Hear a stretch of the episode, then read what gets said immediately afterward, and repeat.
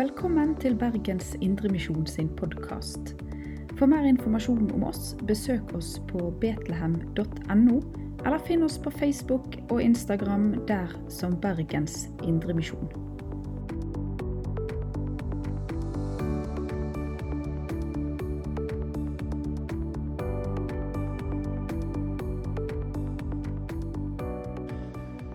Takk for velkomst her igjen, og til det å være sammen om eh, Herrens bønn. Det er vel fem uker siden vi var sammen sist om eh, denne tematikken, og da hadde vi de første tre bønnene i Fader, vår for oss. Og i dag skal vi ha siste parten av Fader vår for oss. La oss be.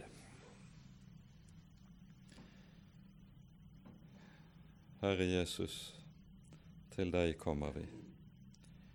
Vi takker og lover deg for at du også er den som lærer oss å be. Vil du, Herre, ikke bare lære oss det å be, men mest av alt også å regne med deg. At du er den som hører, er den, du er den som med din arm ta deg av oss i alle ting. Frels oss, Herre, fra å regne med oss selv og alt vårt eget, og lær oss i stedet å rette blikket på deg i alle ting. Kom, Herre, med din Hellige Ånd, og vær hos oss denne kvelden. Det ber vi i ditt eget navn. Amen. Sist gang var vi altså sammen om første parten i Fader vår,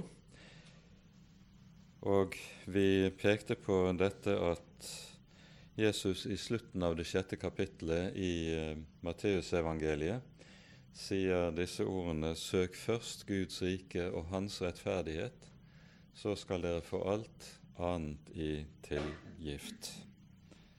Etter den gamle oversettelsen.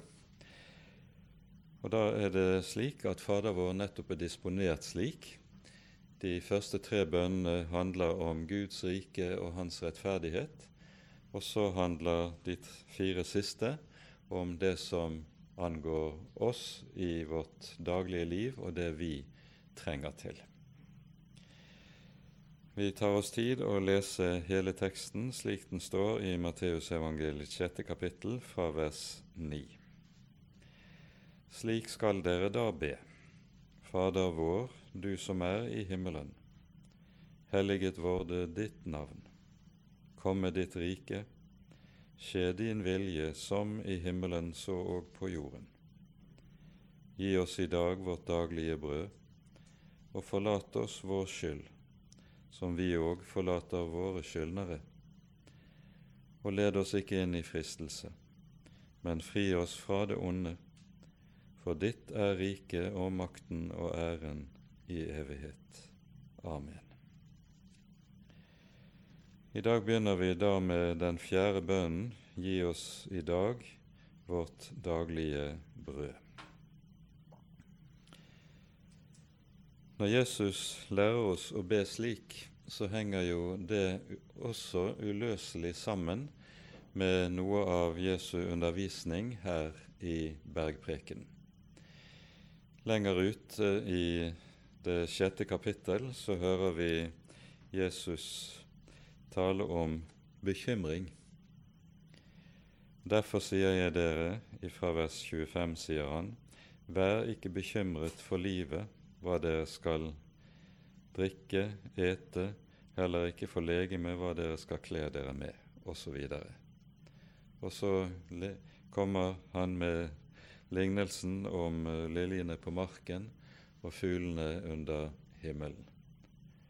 Vær ikke bekymret. Dette 'vær ikke bekymret' innledes med et 'derfor' i vers 25. Og Dette 'derfor' henger sammen med det som står i det foregående verset 'Ingen kan tjene to herrer'. Vi merker oss at Jesus altså ikke sier 'ingen skal tjene to herrer'. ingen bør tjene to herrer, men han sier ingen kan. Og Med det så konstaterer Jesus et faktum. Han kommer ikke med et påbud og sier dere bør ikke tjene to herrer, men han konstaterer et faktum. Det er umulig å tjene to herrer.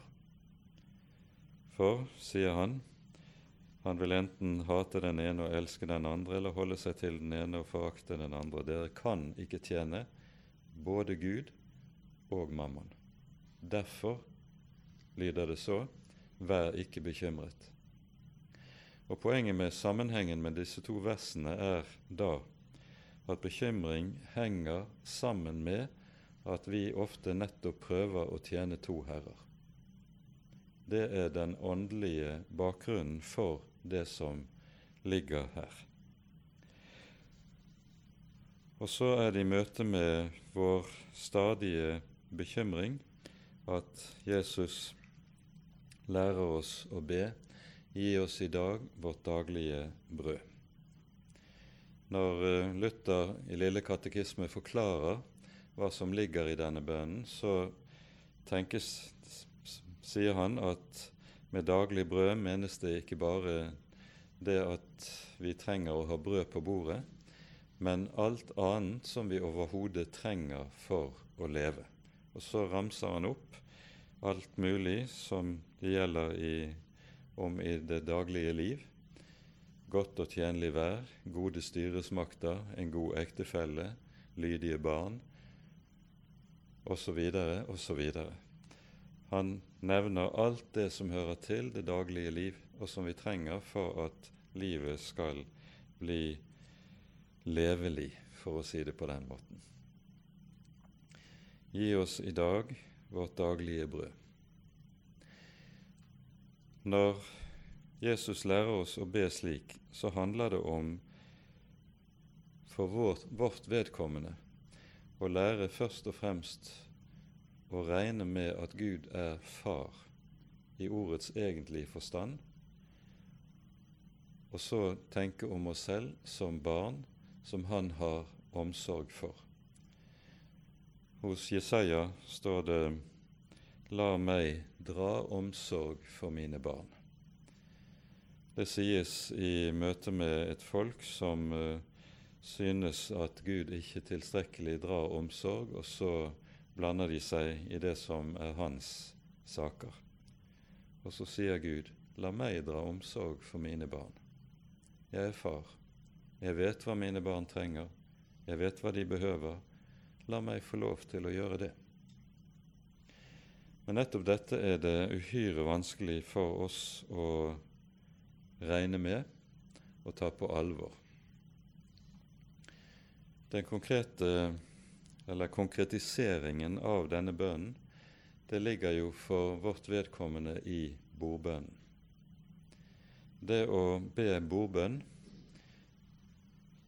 og takke Han som er Herre og Gud, for at vi har, det vi trenger for å leve, det er det konkrete uttrykket for at vi regner med at Gud er far som sørger for sine barn.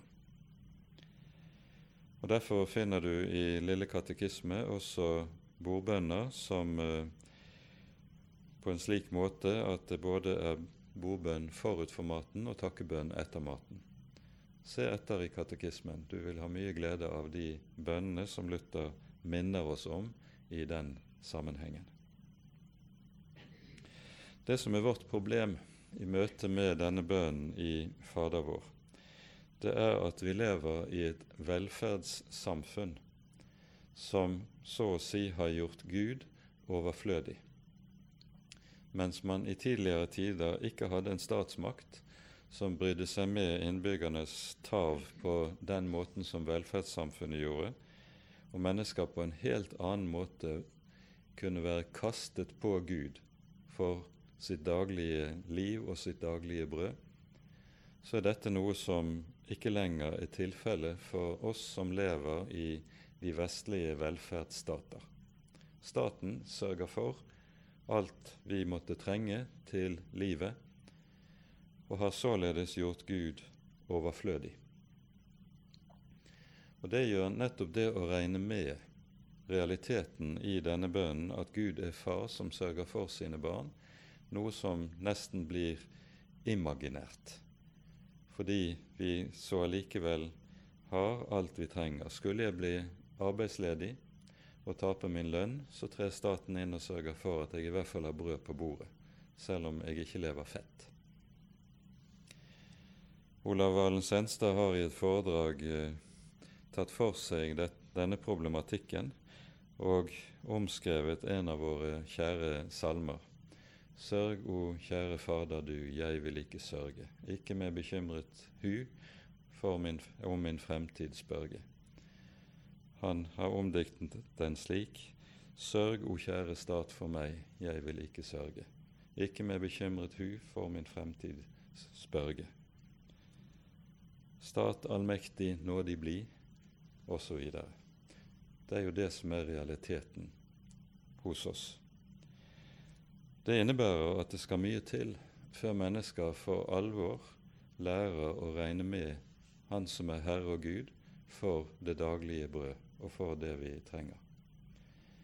Og Det kan hende at det er først den dagen Gud lar virkelig alvorlige ulykker ramme vår verden, at mennesker igjen begynner å tenke at kanskje trenger vi en Herre og en Gud som sørger for oss. Det skal ikke mer enn en tørke i Ukraina og Nord-Amerika samtidig før vi mangler korn til brød. Om så skjer, så skal vi nok oppleve at det ikke er så selvfølgelig lenger at staten er i stand til å sørge for oss og at vi på ny trenger å be Gi oss, du som er far. Sørg for oss, du som er far, i det vi trenger.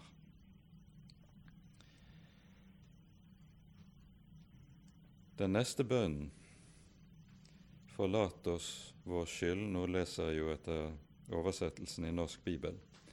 Forlat oss vår skyld, således som også vi forlater våre skyldnere det er en bønn som Jesus også utlegger nærmere i eh, versene etter Fader vår.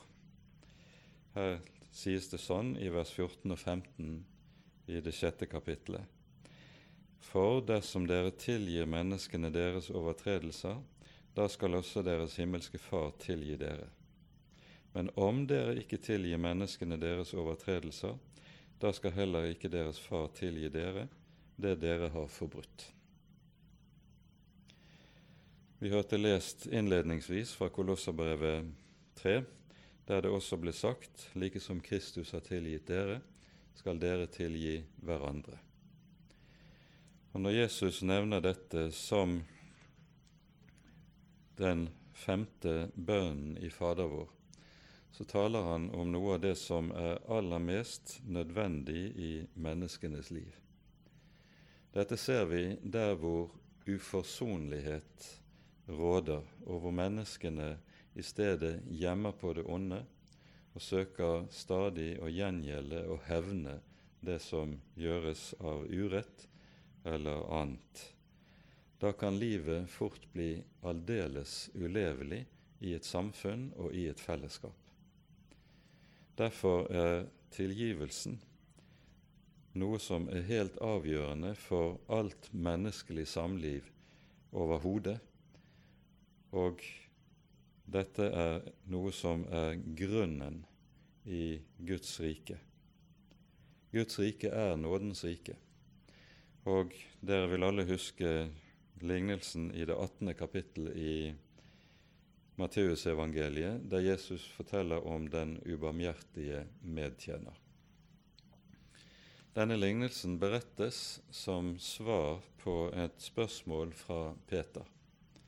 Peter spør Jesus, 'Herre, hvor mange ganger skal jeg tilgi min neste?' Så meget som syv ganger. Hvorpå Jesus svarer ikke syv ganger, men 70 ganger syv ganger. Altså med det mener han ubegrenset. Peter synes han tar sterkt i når han stiller spørsmålet så meget som syv ganger. For i rabbinske kilder vet vi at hos fariseerne var det en lære at man kunne tilgi tre ganger. Men fjerde gangen, da fikk det være nok. Da satte man sluttstrek. Peter hadde jo forstått at Jesus var slett ikke som fariseerne, og syntes derfor han tar sterkt i når han sier så meget som syv ganger. Men Jesus sier altså noe som er langt, langt mer. Og Poenget i det Jesus her sier, det er at når han ber deg og meg om å tilgi vår neste slik, så er jo det fordi Herren har tilgitt oss slik. Herren har tilgitt deg og meg mer enn 70 ganger syv ganger. Herren har tilgitt oss ubegrenset. Og Derfor sies det altså, som vi hørte lest, like som Kristus har tilgitt dere, skal dere tilgi hverandre. Der er et like som som er uhyre betydningsfullt når det taler om disse ting. Nå er dette som har med tilgivelse å gjøre, ofte en meget vanskelig, en meget vanskelig sak. Hva om jeg er blitt utsatt for stor urett eller for et menneskes ondskap, og dette mennesket slett ikke verken angrer det onde eller kommer og ber om tilgivelse for det onde som er gjort imot meg? Hvordan skal jeg forholde meg til det? Det som jo tør være helt klart, det er når noen kommer og ber om tilgivelse, da skal vi overhodet ikke holde tilgivelsen tilbake, selv om det kan være meget vanskelig. Jesus sier således i slutten av denne lignelsen om den ubarmhjertige tjener, så sier han at når han settes, i, settes fast, så sier Jesus at således skal det gjøres med hver den som ikke av hjertet tilgir sin bror. Av hjertet, sies det. Men det å tilgi av hjertet det kan sannelig være vanskelig hvis en virkelig har vært utsatt for meget stor urett. Og da kan en ømskinnet samvittighet for Guds ansikt komme til å tenke som så når det er så vanskelig for meg å tilgi, kan da Herren tilgi meg? For det er jo det Jesus taler om. Da er det viktig å være klar over at jeg også skal få komme til Jesus med den synd som heter at det er vanskelig for meg å tilgi. Det er nemlig meget stor forskjell på det å være i den situasjon at en synes det er vanskelig å tilgi. Kanskje en må si til Herren jeg vet ikke om jeg klarer å tilgi. Det er meget stor forskjell på å si det og det å si 'jeg vil ikke tilgi'. Dersom en sier det, da er en havnet der hvor den ubarmhjertige medtjener havnet. Det kan en kristen ikke gjøre. For like som Herren har tilgitt meg, skal jeg tilgi min neste. Og Slik er det altså at Herren Jesus knytter sammen vår tilgivelse og sin egen tilgivelse. Vår tilgivelse er og vil alltid komme til å være frukt av at vi selv er tilgitt. Og det kristne mennesket som kjenner sin egen synd, hvor dypt den egentlig stikker, hvor stor den er, hvor dypt mørket faktisk er i våre hjerter, han vet også noe om hvor stor nåden er og tilgivelsen er som jeg faktisk har fått del i. Han vet noe om og forstår noe av hvorfor syndenes forlatelse er vunnet på så dyrebart vis som det faktisk er. For vi skal jo vite og være klar over at hadde Gud kunnet tilgi på annet vis enn ved selv å lide døden og gå inn i fortapelsens mørke på korset, så hadde han helt sikkert gjort det. men det er ved å gi seg selv i vårt sted han vinner nåde for syndere. Dette er det mest dyrebare for et kristent menneske. Og så vet jeg hva det har kostet min Herre og min Frelser at jeg skal få lov til å eie nåde og tilgivelse. Og har en bevissthet om det, da vil en også ønske å tilgi sin neste, selv om det kan være vanskelig. Jeg kom i forrige uke til å se en eh, dokumentarfilm om Richard Wormbrandt, som jeg tror de fleste av dere kjenner godt til. Han eh, satt jo svært, svært mange år i rumensk fengsel og var underkastet forferdelige pinsler. Men klarte midt oppi alt det han gjennomlevde, likevel aldri å bære agg eller nag mot sine plageånder i fengselet. Han møtte dem stadig med kjærlighet, tross det han ble utsatt for.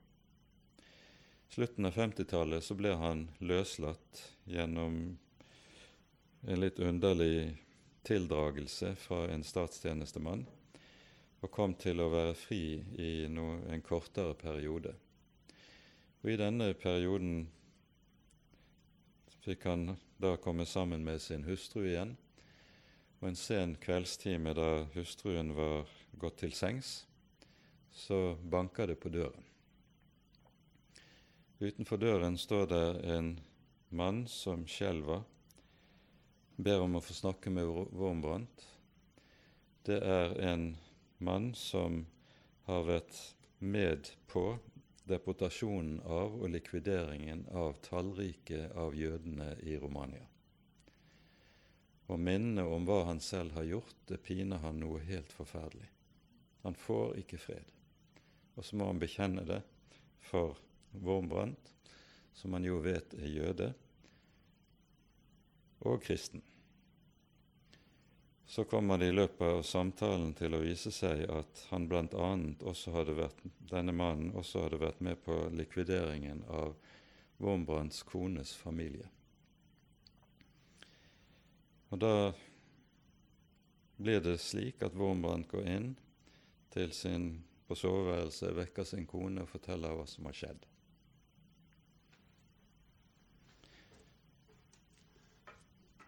Hun kler seg og kommer ut, faller om halsen på denne mannen og sier 'Jeg tilgir deg'.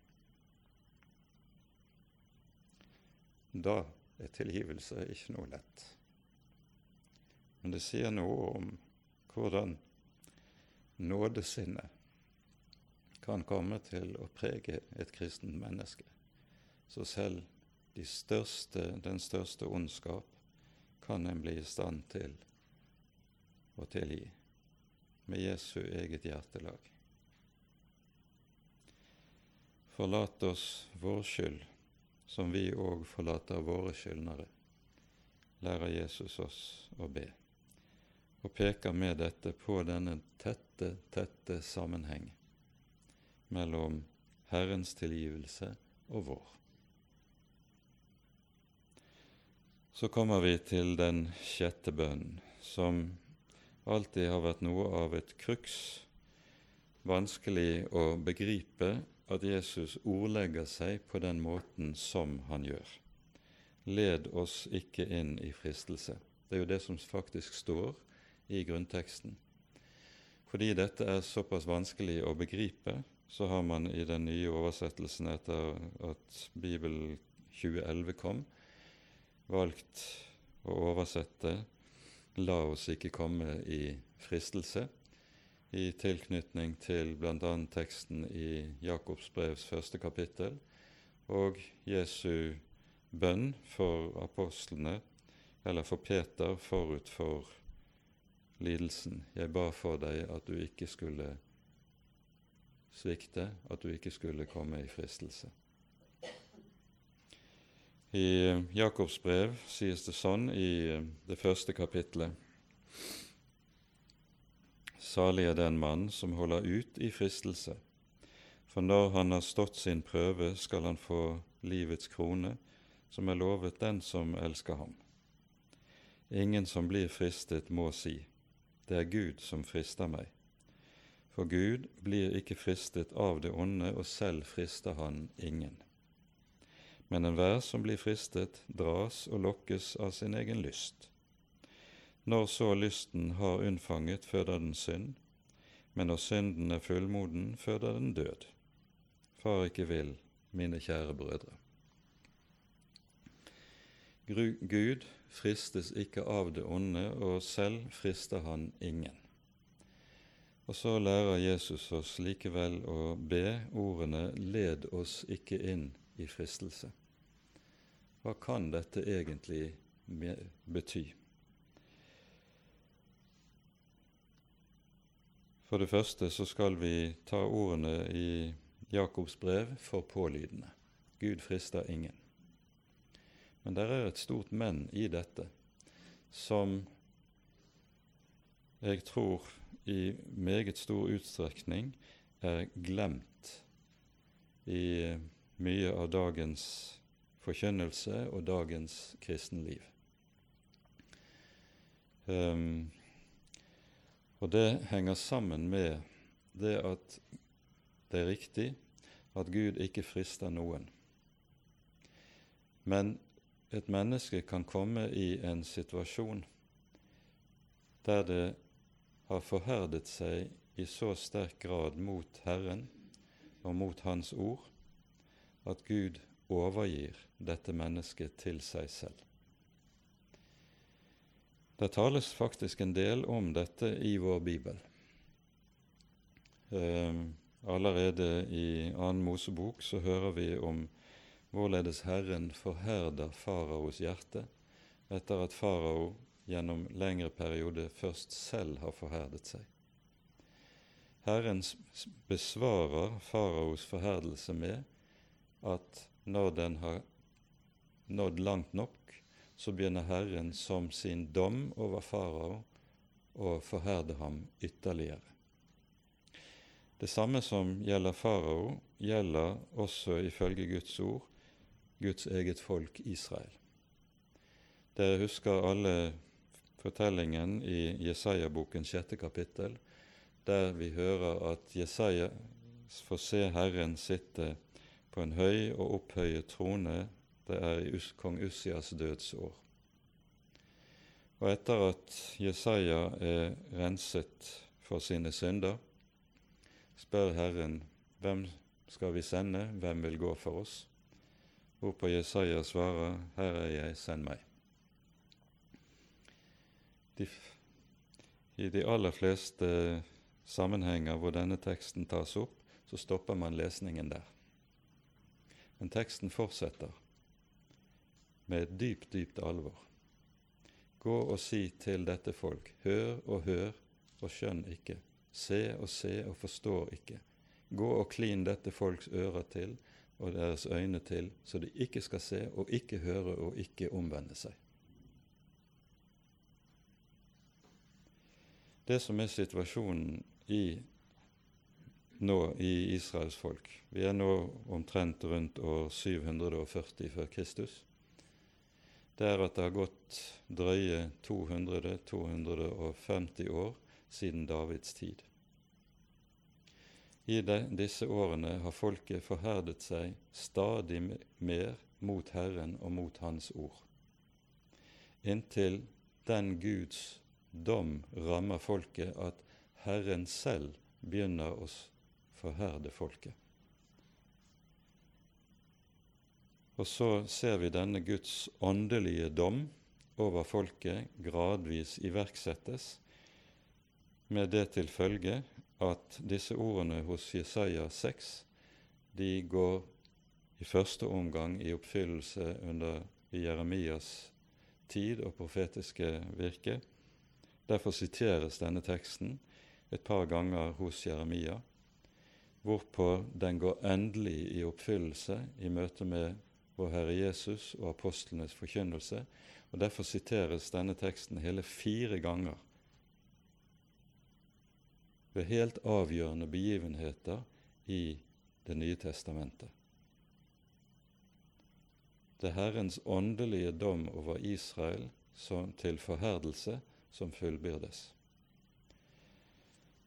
Dette er også noe av det som skal komme til å kjennetegne historiens avslutning.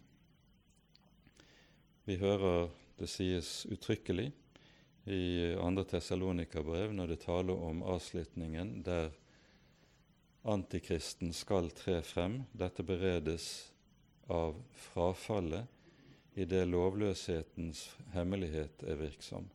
Og så sies det fordi de ikke tok imot kjærlighet til sannheten, sender Gud dem kraftig villfarelse, slik at de tror løgnen.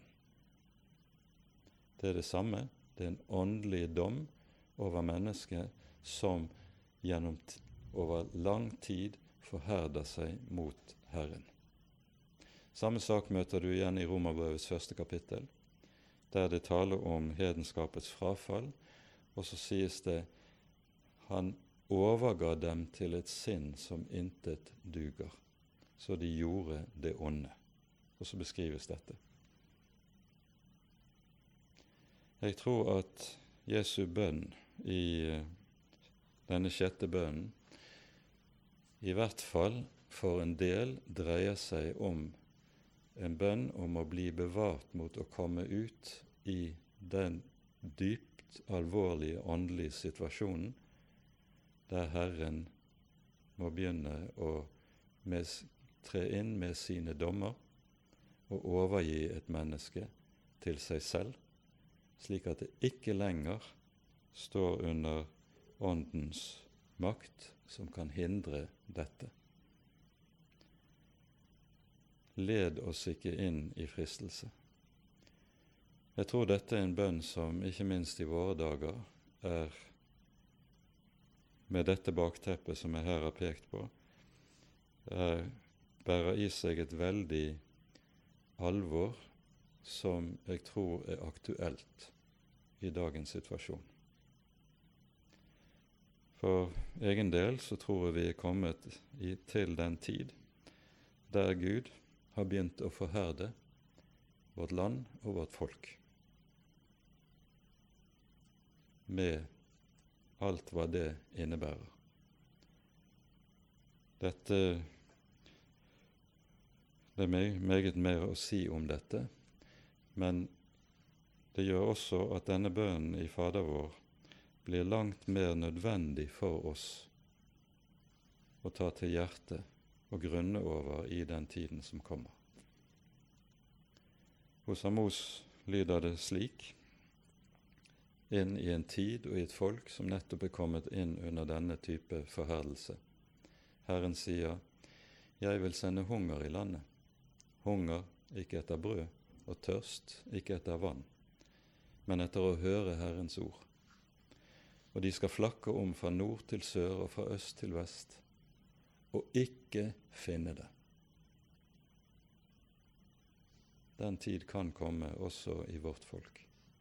Og jeg tror det vi ber om i denne bønnen, er at Herren må spare oss for å komme i en slik situasjon. Led oss ikke inn i fristelse. La ikke det onde få makt over oss.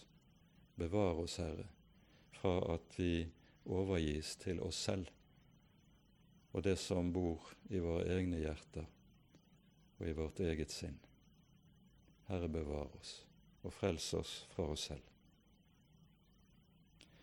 Så kommer den siste bønnen fri oss, eller og frels oss fra det onde. Ehm, det som er oversatt med 'det onde', kan også oversettes med 'den onde', altså fra djevelens makt. Frels oss, fri oss fra den onde. Når dette bes, så er det med den uhyre betydningsfulle bibelske sannhet i minne at overfor den onde er vi mennesker ikke i stand til å hjelpe oss selv. Overfor den onde er det kun én som har makt til å fri og til å frelse.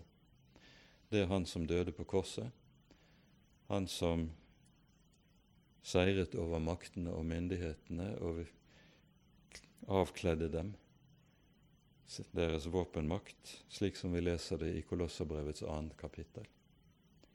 Når vi ber fri oss fra det vonde, er det i bevissthet om at dette er noe som vi selv er fullstendig hjelpeløse i. Dette er noe som vi er hjelpeløst avhengig av Herren vår Gud i for å bli bevart. Den onde møter vi første gang på Bibelens første blad i forbindelse med fristelsesberetningen. Og han får makt over menneskene gjennom spørsmålet har Gud virkelig sagt? Djevelens angrep handler i første omgang om det å søke å få mennesket bort fra Guds ord. Han søker å så tvil om Guds ord. Han søker å ødelegge menneskets forhold til Guds ord. For saken er jo den at får djevelen oss først bort fra Guds ord, så kan han siden føre oss akkurat dit han vil. Da har han oss i sin makt. For et menneskets gudsforhold det konstitueres av og bevares ved Ordet og Ordet alene. Det er i Ordet Herren har lagt ned all makt som holder djevelen stangen. Så når vi ber fri oss fra det onde, så ber vi samtidig om at Herrens ord skal bli hos oss, at lysestaken skal forbli hos oss, slik at vi ved Ordet kan bevares mot denne åndsmakt og det Han står for. For det er Herrens ord det handler om først og sist for at vi skal bli bevart. Fri oss fra det onde. Og Vi forstår med disse to siste bønnene at Jesus legger frem inn for oss ting som i frelseshistorien er overmåte betydningsfulle, men som vi altfor ofte så å si skyver hen i glemmeboken fordi vi lever og har det så bra som vi har det. Den avsluttende doksologien. Ditt er riket, makten og æren i evighet. Det er slik som jeg nevnte sist gang, noe som ikke står i de eldste håndskriftene som man kjenner til Det nye testamentet. Men den ble føyet til i den kristne gudstjenesten fordi og hentet fra første krønikaboks 29. kapittel, um, fra Davids takkebønn der, um, fordi Herrens bønn blir brukt i den kristne gudstjenesten, og derfor la en dette til som avsluttende, en avsluttende lovprisning på bønnen i gudstjenesten, og så fant den gudstjenestelige bruken vei da inn i de senere bibelmanuskriptene. Det er jo bibeltekst. Det er hentet fra første krønikebok, så det er slett ikke noe feil med at så er gjort. Disse ordene 'Ditt er riket, makten og æren' er ord som jeg for min egen del har tenkt en del på når det gjelder tjenesten i Guds rikes sammenheng. De som kalles til tjeneste i Guds rikes sammenheng, og særlig de som kalles til lederansvar, der får du av og til se det ulykkelige at menighetsledere samtidig kan opptre som menighetseiere. Det menigheten er så å si ledernes personlige eiendom, som de så kan skalte og valte med nærmest etter egen forgodtbefinnende. Dessverre har vi ganske mange eksempler på det i Kirkens historie, også i vår egen tid. En som er kalt til å ha lederansvar i Guds rike, han må være klar over at riket er Herrens, ikke hans eget og at den som derfor er satt til å ha lederansvar i Herrens menighet, han er satt til å forvalte det som hører Hans Herre til. Til å være tjener, ikke herre.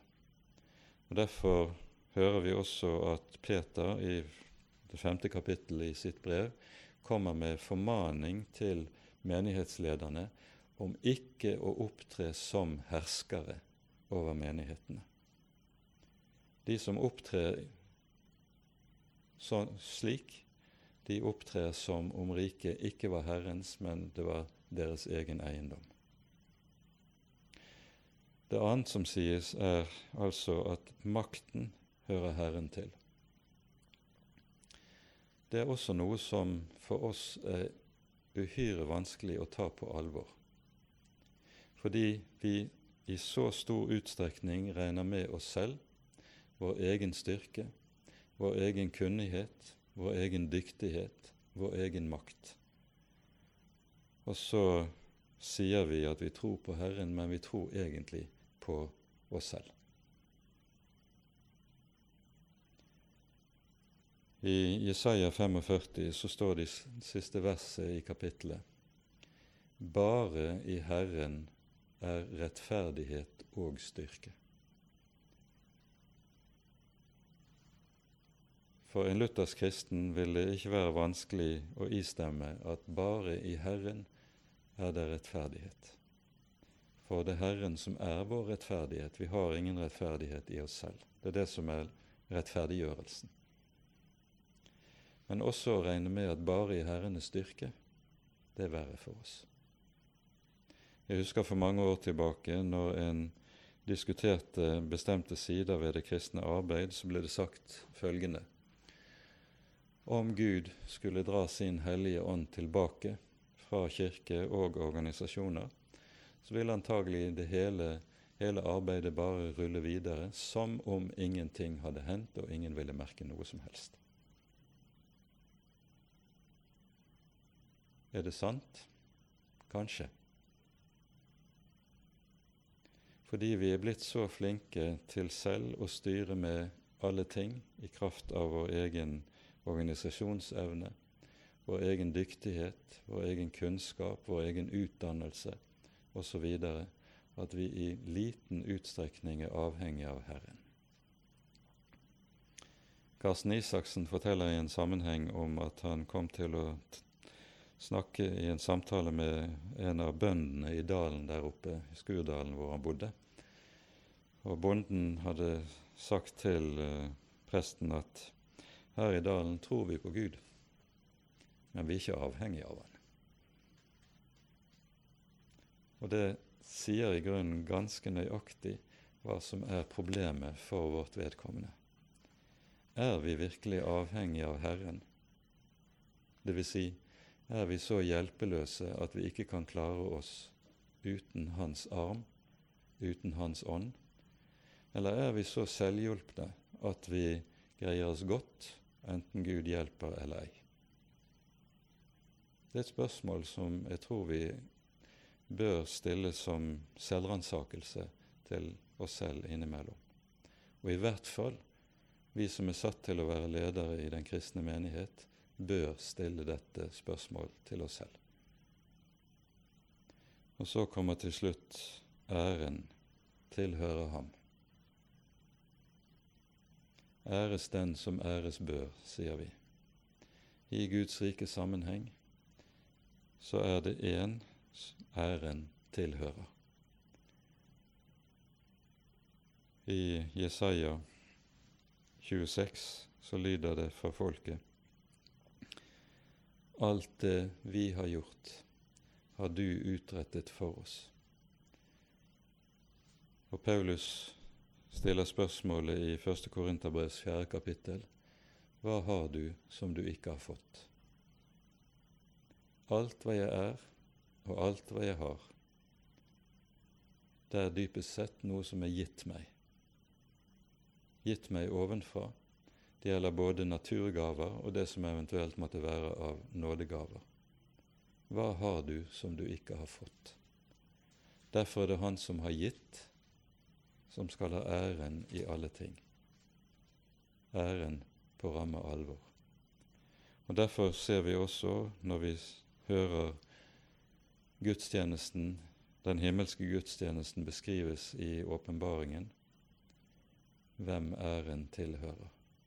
Det var ingen, verken i himmelen eller på jorden eller under jorden, som ble funnet verdig, står det. Ble funnet verdig til å åpne boken eller lese i den. Johannes gråter når den virkeligheten går opp for ham, og trøstes så med ordene Gråt ikke, se, løven av Judas stamme, han er funnet verdig. Han er funnet verdig. Og så får han se lammet. Løven er et lam som står midt i sentrum i himmelen, og så lyder lovsangen. Verdig er du Guds lam fordi du ble slaktet og med ditt blod har kjøpt oss til Gud av alle stammer og folk og tungemål og etter, og har gjort oss til et presteskap for Gud. Hvem er det som synger disse ordene 'Verdig er du'? Det er alle de som var uverdige, som synger. Riket er ditt, makten er din, æren er din, og vi kunne føye til alene. Og da kan vi si amen etter Herrens bønn. Ære være Faderen og Sønnen og Den hellige ånd, som var og er og være skal, en sann Gud, høylovet i evighet. Amen. Du har lytta til Bergens Indremisjon sin podkast. For mer informasjon om oss, besøk oss på betlehem.no, eller finn oss på Facebook og Instagram der som Bergens Indremisjon.